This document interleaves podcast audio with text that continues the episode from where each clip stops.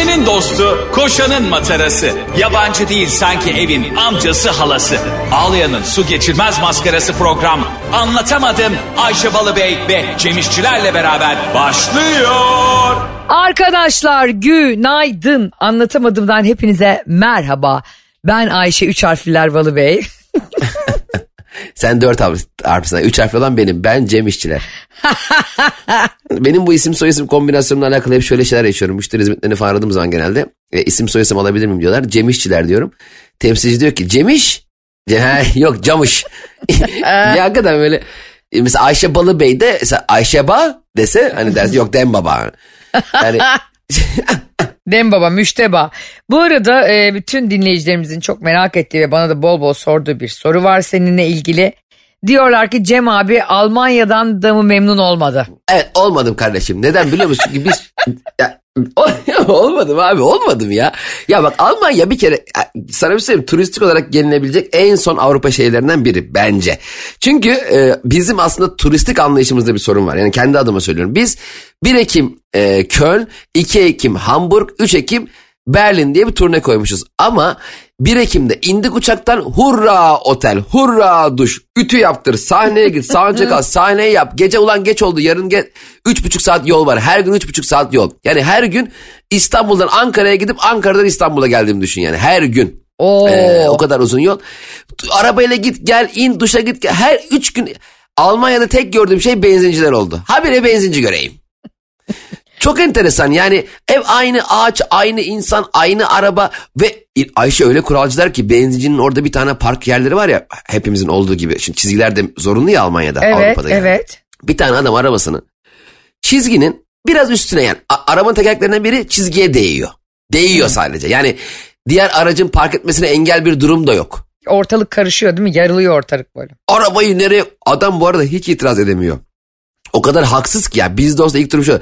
Ya kardeşim gerizekalı mısın senin araban buraya sığmıyor mu? Deriz.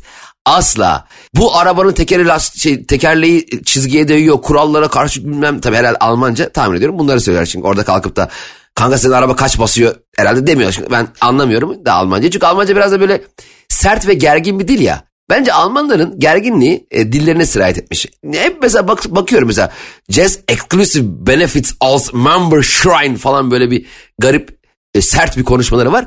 Halbuki belki şey diyorlar yani rahatınıza bakın lütfen ki e, odanız üst katta diyor belki. Ama bunu derken bile fırça yiyormuş gibi hissediyorsun. Gerçekten bazı dillerin böyle Almancanın da öyle öyle bir etkisi var. Rusça da öyle.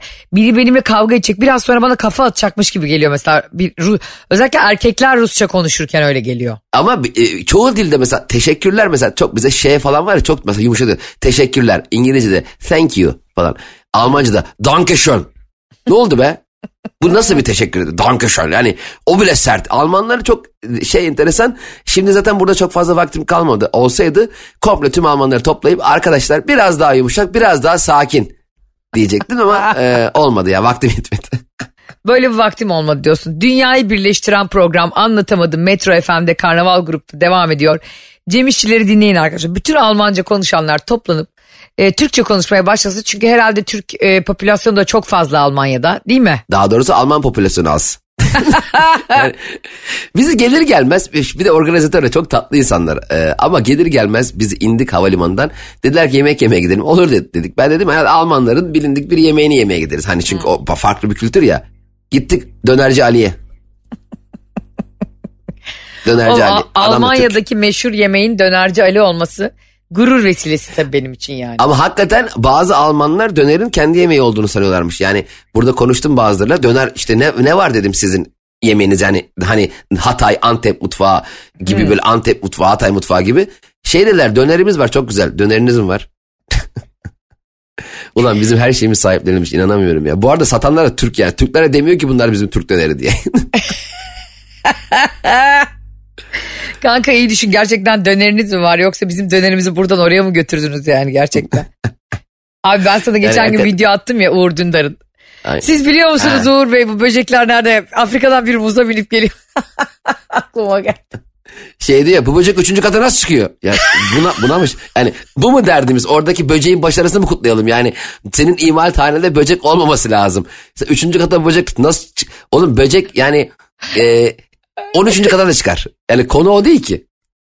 Evet abi eklem bacaklı bir hayvan hızlı hızlı yürüyor her yere yani anladın mı? Sen böceği takdir edeceğine imalathanende böcekler geziyor diyorlar. Bu böcek üçüncü kata nasıl çıktı bunu hiç düşünen yok ya. Hakikaten senin imalathane 7. katta bile olsa önemli olan senin oraya dışarıdan herhangi bir haşerenin böceğin girmeyeceği bir tesis kurman gerekiyorken yani şunu mu diyelim abi bizim evet burada böcekler var ama biz 7. kata çıkan böcekleri kovmaktan ziyade onları tebrik ediyoruz bu kadar yukarıya çıkmaları böyle mi savunacaksın yani etlerin üstünde böcekler gezeyim. O zaman şöyle mi diyeceğiz Cemo? Düşünsene sen bir plazada oturuyorsun ve 20. katta oturuyorsun hırsız giriyor. Vallahi bravo ya ben bunu şikayet edemem. Edemem. Bura, al, al abi televizyon senin hatta kumandayı da vereyim. Bu arada bak şu birinci kanal şu ikinci kanal bunları değiştirebilirsin falan diye e, tebrik ederim gönderelim. Ee, geçtiğimiz günlerde e, sevgili anlatamadım dinleyicileri Cem İşçiler Ayşe lütfen bunu konuşalım diye bana aylar günler sonra bir şey yolladı. Bakın bu haber neydi? Ha- Haluk Bilginer Angelina Jolie ile başrolde. Evet. Bu seni neden bu kadar etkiledi Cem Hakkı İşçiler? Çünkü gerçekten Haluk Bilginer biliyorsun Hollywood'a yani hep şöyle geyiklerimiz var ya. Abi bizim Şener Şen'imiz, Kemal Sunal'ımız niye Avrupa dünya sinemasında kendini yer edinemedi falan. Sanki onlar yer edinmeye çalıştı da başaramamış, başaramamış gibi. Ama Haluk Bilginer bambaşka bir biliyorsun e, böyle bir tane filmde de mafya babasını falan oynamıştı. E, Ha doğru doğru doğru evet. Hatırlarsınız. Bunda da biliyor Tamer Karadağlı da bir şansını denemişti ama tam olmadı. Ee, Amerikalılardan daha daha Amerikalı kendisi biliyorsun yani. Gerçek Amerikalı. Ee, ama Haluk Bilginer'in Angelina Jolie ile başrolde bir sinema filminde oynaması çok- zaten Hollywood'da biliyorsun günde dört tane film yapılay ona baktığın zaman hani çok büyük bir endüstri. Bizim gibi böyle yılda bir tane iki yılda bir film Ata Demirer gibi e, Çanakkale'de yılda bir film yap, yap- yapmıyor onlar. Ben çok gurur duydum Angelina Jolie'nin Haluk Bilginer gibi bir saf yetenekle aynı sahnede olma, olacak olması. Doğru. Onun için büyük bir gurur. Zaten Angelina Jolie rica etti benden. Cem'ciğim bunu biraz konuşabilir misin dedi yani. Senden o özel olarak istedi herhalde. Zaten onun da Cem İşçiler çok e, konuşmak istediği için bu kültür sanat bilgisini verelim. E, ortamlarda hava atarsınız arkadaşlar. Bizim programımızda da ortamlarda satılamayacak bilgi biliyoruz yani. yani bizden aldığınız hiçbir bilgiyle gidip bir yerde hava atamazsınız maalesef. E, Ama ama çok rahat bir şey bir şey söyleyeceğim. Çok atarsınız. Ben anlatamadım dinliyorum demeniz yeterli. Vay. Hayır şimdi böyle bir podcast var ortamlarda satılacak bilgi diye. Bizim insanımız bilgiye Evet. aç. Çünkü yani Google bilgisini birisi sana podcast'ten söylediği için e, hani çok dinliyorsun. Çünkü bu çok iyi bir fikir aslında hani değil mi? Ama ben de şöyle düşünürüm mesela. "Ay, bu, bu, bu bilgi Google'da var, Wikipedia'da var. Yani oradan araştırabilecekken niye oturup dinleyeyim diye de düşünebilirsin. O Ayşe Hanım bakıyorum diğer podcastleri de sallamaya başladık yavaştan. Herkes istediğini dinlesin. Ee, ama en çok anlatamadım dinlesin. Bizimki gerçekten bizim formatımız ortamlarda satılamayacak bilgi. Çünkü bizim ne anlattığımızı biz bile unutuyoruz yani ertesi gün. Geçen gün biri bana şey yazmış. O kadar güldüm ki. Ee, biz bir muhakkak ki Cem İşçilerle birlikte yine yayında bir soru sormuşuz. Ve e, asla hatırlamadığımız bir konuyla ilgili bir soru sormuşuz. Biri şey yazmış. E, Ayşe Hanım filmin adı Bowfinger. Şimdi bakıyorum mesaja bakıyorum. Anlatamadığımı takip ediyor beyefendi. Anlatamadım official hesabımızı. Cem'i beni ta- kim bilir diyorum ne sorduk da. ya arkadaşlar arkadaş şu, artık şu uyarı yapmak zorundayım. Kimse kusura bakmasın. Şu anlatamadım biraz zamanlı dinleyin ya. Programı yapıyoruz 3 ay sonra dinliyorsun. Ee, bir durduk yere bana 5 diye DM geliyor. 5. Kim bilir ne dedik de 5'e basın dedik yani. 3 ay sonra bana ne atıyor? Her geçen dakika ben sürekli programı dinleyip acaba burada ne sormuşuzdur diye Lütfen bundan anlatamadım dinleyicileri. Birazcık daha lütfen sorumlu davranmaya davet ediyorum sizleri. Abi Bu program çok- her çok gün komik. yayınlanıyor ya. Bir de şimdi biz geriye dönük siz podcast'ten dinleyebildiğiniz için bizim müziksiz reklamsız. Biz o anda konuşuyoruz sonra unutuyoruz resetliyoruz kafamızı. Beş gün sonra şöyle bir mesaj gelse DM'nize. Ben gitmezdim. Ben Stepne miyim? Ne münasebet. Sevgilerle kalın. Ne, ne oluyor lan diyorum. Evet o zaman hemen hemen anlatamadım dinleyicileri biliyorsun e, görev aşkıyla yanıp tutuşan insanlardır. Dinlediğiniz bölüm üzerinden 3 gün geçmişse ve bu konuyla alakalı size sorduğumuz veya bizim konuştuğumuz konuyla alakalı bize DM'den dönecekseniz lütfen konuyu da hatırlatın arkadaşlar. O anda kim bilir hangi dünyada neler yapıyoruz. Aradan geçmiş 3 ay e, hatırlayamayabiliyoruz. Sizlerle bir iletişim halinde olamamızı istiyorsanız durduk yere hayır ben yapmazdım diye bir DM geliyor bana gece 3'te. Ne oldu neyi yapma ben o an sen karşında mı konuşuyorum biz bu kaydı bırakmışız çok olmuş Ee, Arkadaşım lütfen hatırlat bize de hatırlat. Ve bu arada şimdi gece 3'te de neyi yapmazdınız demek de saçma oluyor yani. Öyle muhabbet açılmıyor. İlerleyemiyoruz arkadaşlar. Biraz arkadaşlar lütfen hep uyaracağız falan diye müdür gibi. Böyle sürekli e, ortamı arkadaşlar lütfen sessiz olalım diye bağıra bağıra gerip aslında en çok kendi gürültü yapan insan vardır. Zaten kendisi arkadaşlar sessiz diye bağırmasa zaten o kadar sessiz değil yani. En çok gürültü de kendi çıkaray. Nefret ederim biliyor musun öyle goy goyculardan. Kesinlikle. Arkadaşlar lütfen arkadaşlar sessizlik. Ya bir sus kardeşim ya. Sus kafamızı şişirdin. Çevresel etkisi az malzemelerle üretilmiş, eko tasarımlı, geri dönüştürülebilir Tefal Renew serisiyle hem doğaya hem de mutfağına özen göster. Bir de özellikle lisede falan oluyordu.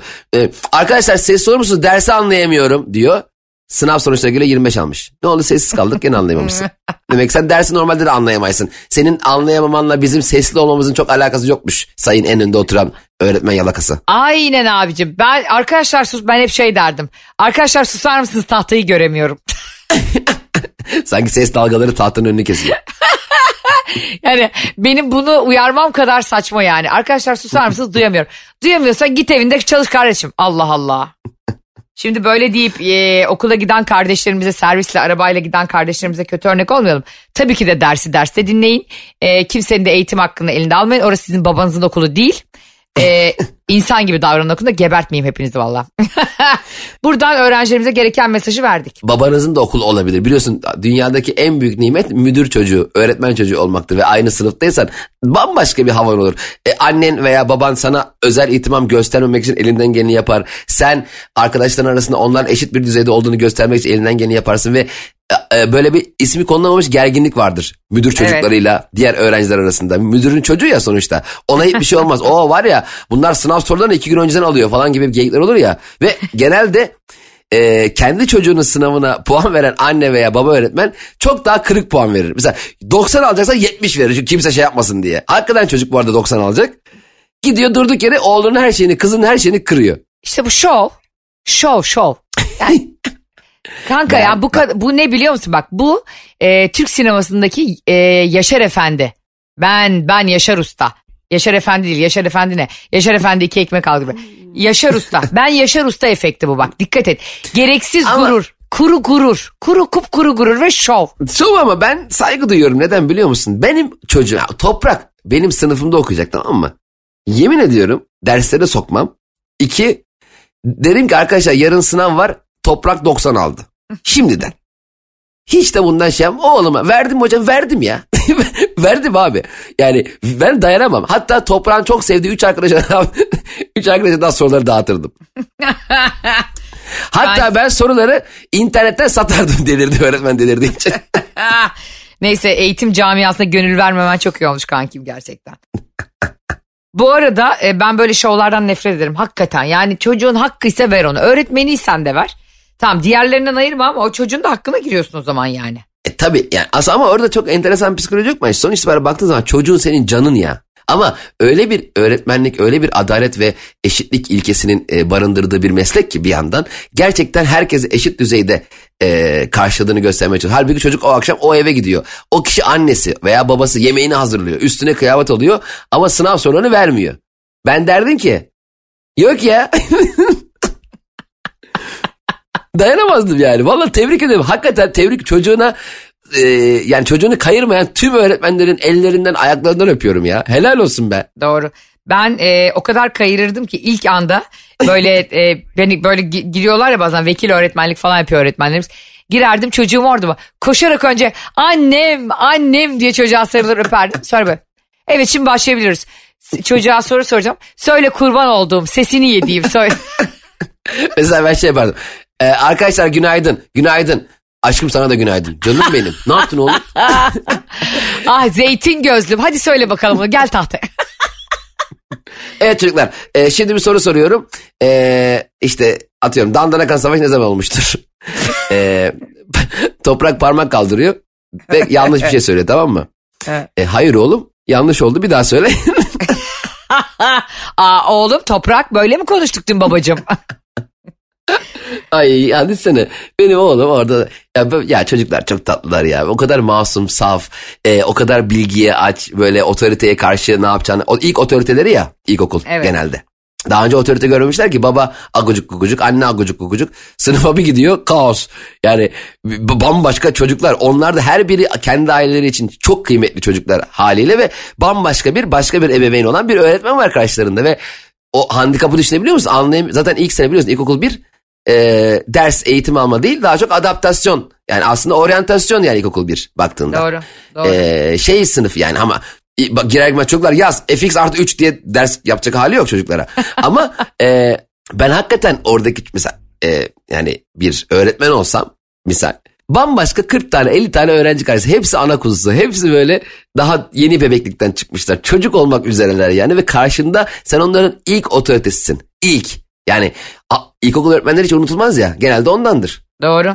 Ya ilk otorite figürü olduğu için de unutulmaz. Ne bileyim işte ilk eğitim hayatında yani bir sürü şeyin ilki unutulmaz aslında. İlkler çok acayip. Mesela her zaman da mesela o ilk yaşadığın zaman duyduğun müzik, geçtiğin yol, önünde oturduğun kafe onlar da her zaman değerlidir. Mesela 20 sene sonra e, bir kafe görürsün. İşte ilk sevgilinle ilk el ele tutuştuğun kafedir orası mesela. Senin için bambaşka bir anlamı var değil mi? Çok acayip değil mi? Hafıza dediğin şey çok acayip. Bir sürü şey silerken e, ben daha yani hele yeni şimdiki zamanlarda tanıştığım insanın 5 saniye sonra adını unutuyorum mesela. Hani herhalde benim için bir şey ifade etmediği için ama hakikaten bir ilk kafeye gittiğin ne bileyim ilkokula başladığın e, ilk okuduğun heceyi bile unutmuyorsun mesela. Benim ışık ılık süt içti ilk okumayı çözdüğüm. Iıı diye onda hangi psikopat hazırladıysa. Ama, Işık e, ılık süt iç. Evet o fişler gerçekten çok kıymetliydi. Bir de bilgiye sahip olmanın ne kadar kıymetli bir şey olduğunu yıllar yıllar sonra idrak ediyoruz ya biz hepimiz ortaokuldayken, lisedeyken bize anlatılan şeylerin asla işimize yaramayacağı, asla hiçbir yerde kullanmayacağımızla alakalı öğretmene güya. Peki hocam bunlar gerçek hayatta karşımıza çıkacak mı gibi saçma sapan sorular soruyordu ki halbuki bu bilgilerin tamamı özellikle matematik ve e, geometri gibi e, e, dersler, sayısal dersler tamamen yorumlama kabiliyetini ne kadar hızlandırdı. Mesela matematik çok iyi olan bir insan genelde pratik zekalı ve hızlı düşünür. Hızlı koordine olur. Ne bileyim ben e, mesela acil bir durumda soğukkanlı olur. Çünkü çok iyi biliyordur acil çıkış nerede, yangın merdiveni nerede. Bunlar gibi içten içe e, daha pratik çözümler üretebilecek bir hale gelir. İlla fonksiyonları türev, integral e, ne bileyim e, dik açıyı indirmene gerek yok üçgenin içerisinden. İlla Doğru. onu bilmek ömür boyu hocam şimdi fonksiyon diyorsunuz da fonksiyon nerede göreceğim ben Allah aşkına böyle olmuyor işte yani bu bilgiler çok kıymetli şeyler aslında ama o zaman tabii farkına Lan şu hayatı bir daha yaşamak lazım en baştan ya. Ay saçmalama ben tekrar asla okula gitmem ya. Ne ama çocuk olarak gitmez misin ya ben çok isterdim Gitmem. gitmeyi. Ay bak şimdi adını Feriha koyduğumu iz- izliyorum ya. Ee, üniversiteye başladı Feriha. Yani Hazalkaya böyle diyor okula girecek. Annesi biliyorsun işte orada oynadı oradaki tabiriyle söylüyorum. Annesi e, ve babası orada kapıcı dairesinde yaşıyorlar. Apartman görevlisi onlar. İşte kapıcının kızı diyorlar buna sürekli. Ve Feriha'nın şöyle bir hayal var. Anne e, üniversiteye başlar başlamaz sana kremler alacağım. Yani böyle bir motivasyon olabilir. Yani şu anda da bir de her bir yüz kremi cilt kremi almış 4 bin lira 5 bin lira yani. Hangi ha, bir de bir de üniversitede öğrencisin sen yani. KYK borcuyla sürüneceksin. Bir de Kemal Sunal'ın Kapıcılar Kralı filminde şöyle bir sahne vardı ya oğluna şey dedi. Oğlum bu kadar ders çalışıp ne yapacaksın yönetici mi olacaksın? Adam böyle e, en üst seviye insanı yönetici sanıyor. Apartman yöneticisini. Ee, bu arada bu kadar eğitim, öğretim e, adına ferah koydum demişken Antep'ten Asya her sabah babasıyla bizi okula giderken arabada dinliyormuş. Ee, Antep'teki Asya kardeşime de çok selam gönderelim lütfen. ya tabii ki kurban olurum Antep'ten Asya'ya babası. Ya öğrenciler çok tatlı ya. Evet de yani Ayşe senin bir selamı göndermek için burada 10 dakikadır bize eğitim öğretim konuşturtman. Yani gerçekten senin kafanın çalışma şeklini araştırmak istiyorum ya senin beynini. Gerçekten o kadar hoşuma gidiyor ki yani e, şu bir de şunu konuşalım mı? Şimdi insanlar bize mesaj atıyor işte demişler ki ya Ayşe Hanım işte anlatamadım podcast üzerinden dinliyorum. Çok da ciddi bir Cem İşçiler ve Ayşe Balıbey fanıyım. Küçük bebeğimle yürüyüşe her çıktığımda dinliyorum sizi. E, e, ve sizi dinlerken bazen de kulağımda kulaklık olduğu için hep kendi kendime gülüyorum. E, bebekle de konuşamayacağıma göre arabadaki bebekle. İnsanlar sürekli bana garip garip bakıyor yani. Hatta geçen yanından biri geçti acaba deli mi bu diye baktı bana demiş hani. Demiş ki yani sonra da e, ne var ki kendi kendine konuşan ve gülen insana niye hemen deli damgası yapıştırıyor? Belki de anlatamadım dinliyordur demiş. Çok büyük problem o. E, ha, hakeza bırak kulağında kulaklıkla bir radyo programı dinlemeni. Kendi kendine metrobüste otobüsteyken de aklına birdenbire bir şey gelebiliyor ki ben o durumdan her zaman şöyle yapıyorum. Bazen gerçekten kendi kendime gülüyorum. Gerçekten ama aklıma bir şey geliyor. ve aptal gibi gülmeye başlıyorum. Apar topar rehberimde en son aradığım herhangi birini arıyorum. Aa, Ve e, ne yapayım abi? Telefonla gülüyorum. Yani, yani şöyle açtığım telefonlar vardır benim. Arıyorum sallıyorum e, bir arkadaşımı. Alo diyor ben böyleyim. En azından telefonda güleyim. Yani en azından bir kişiye rezil olayım. O da zaten benim yakın arkadaşım. Ona durumu açıklayabilirim. Ama metrobüste bana manyak bu diyen insanlara bir daha bulup kendimi izah edemem ki. Ama bir de şöyle bir şey yok mu? Şimdi anlatamadığım tabuları yıkan ve e, Türkiye'nin en çok dinlenen programı olarak artık şu kuralı getirsin. Kendi kendine gülen ve konuşan insanlara deli demeyi bırakalım arkadaşlar ya.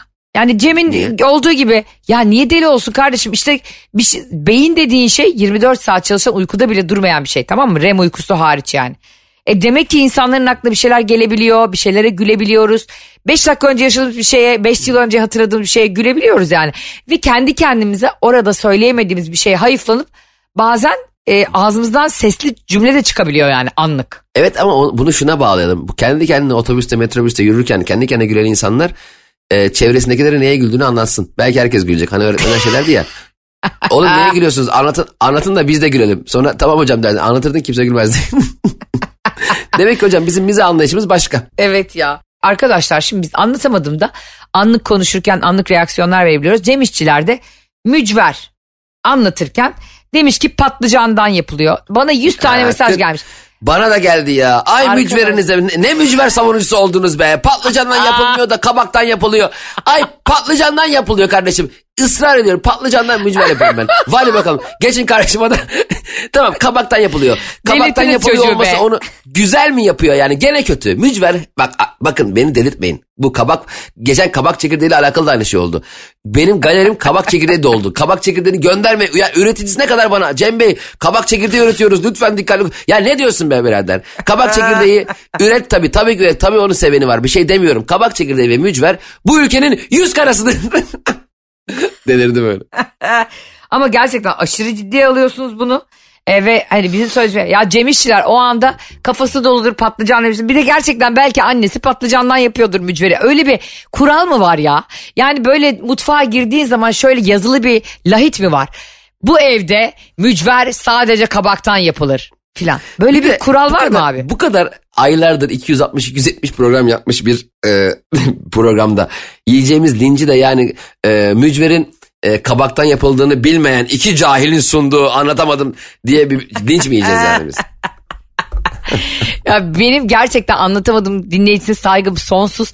E, ve sen gerçekten dünyada patlıcan duyarı yiyen ilk insansın yani. Bu, bu. Yedim ve gel ben öyle, bakın bu ne, bu ne biliyor musun? Bu mücver yiyenlerin işte kendilerinden utanmalarını kapa- kapattıkları şey patlıcandan yapılmaz kisvesi altında aslında bir yerden ne kadar mücver yemekten utandıklarını ortaya koyamıyorlar. Mücver kesinlikle kabağın artığıdır. Kabak yemeği yapılır. O mücveri atmayalım demiş bir yanlışlıkla tavaya düşürmüş çok yüksek ihtimalle bakıyor kızarıyor yeniyor yeniyor mu yeniyor tat yok tuz yok okey ama yeniyor diye mantık mücver çok acil bir şekilde artık mücver sevenler bunu kendine itiraf etsinler. Mücver tadı tuzu olmayan artık bir yemektir. Kabak artığıdır. Yemek önüne mücver konan kişi koyan kişiyi sorgulamalıdır.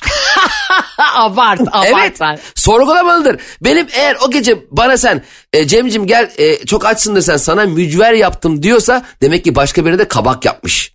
Anladın mı? Asıl yemeği başkası yemiş. Ben onun artığını yiyorum. Ben orada resmen ikinci sınıf vatandaşım. Ay abartma sen de canım. Geçtiğimiz günlerde çok önemli bir olay oldu. Bunu atladık ve konuşamadık ama zannetmeyin ki bizim gündemimizde yoktu.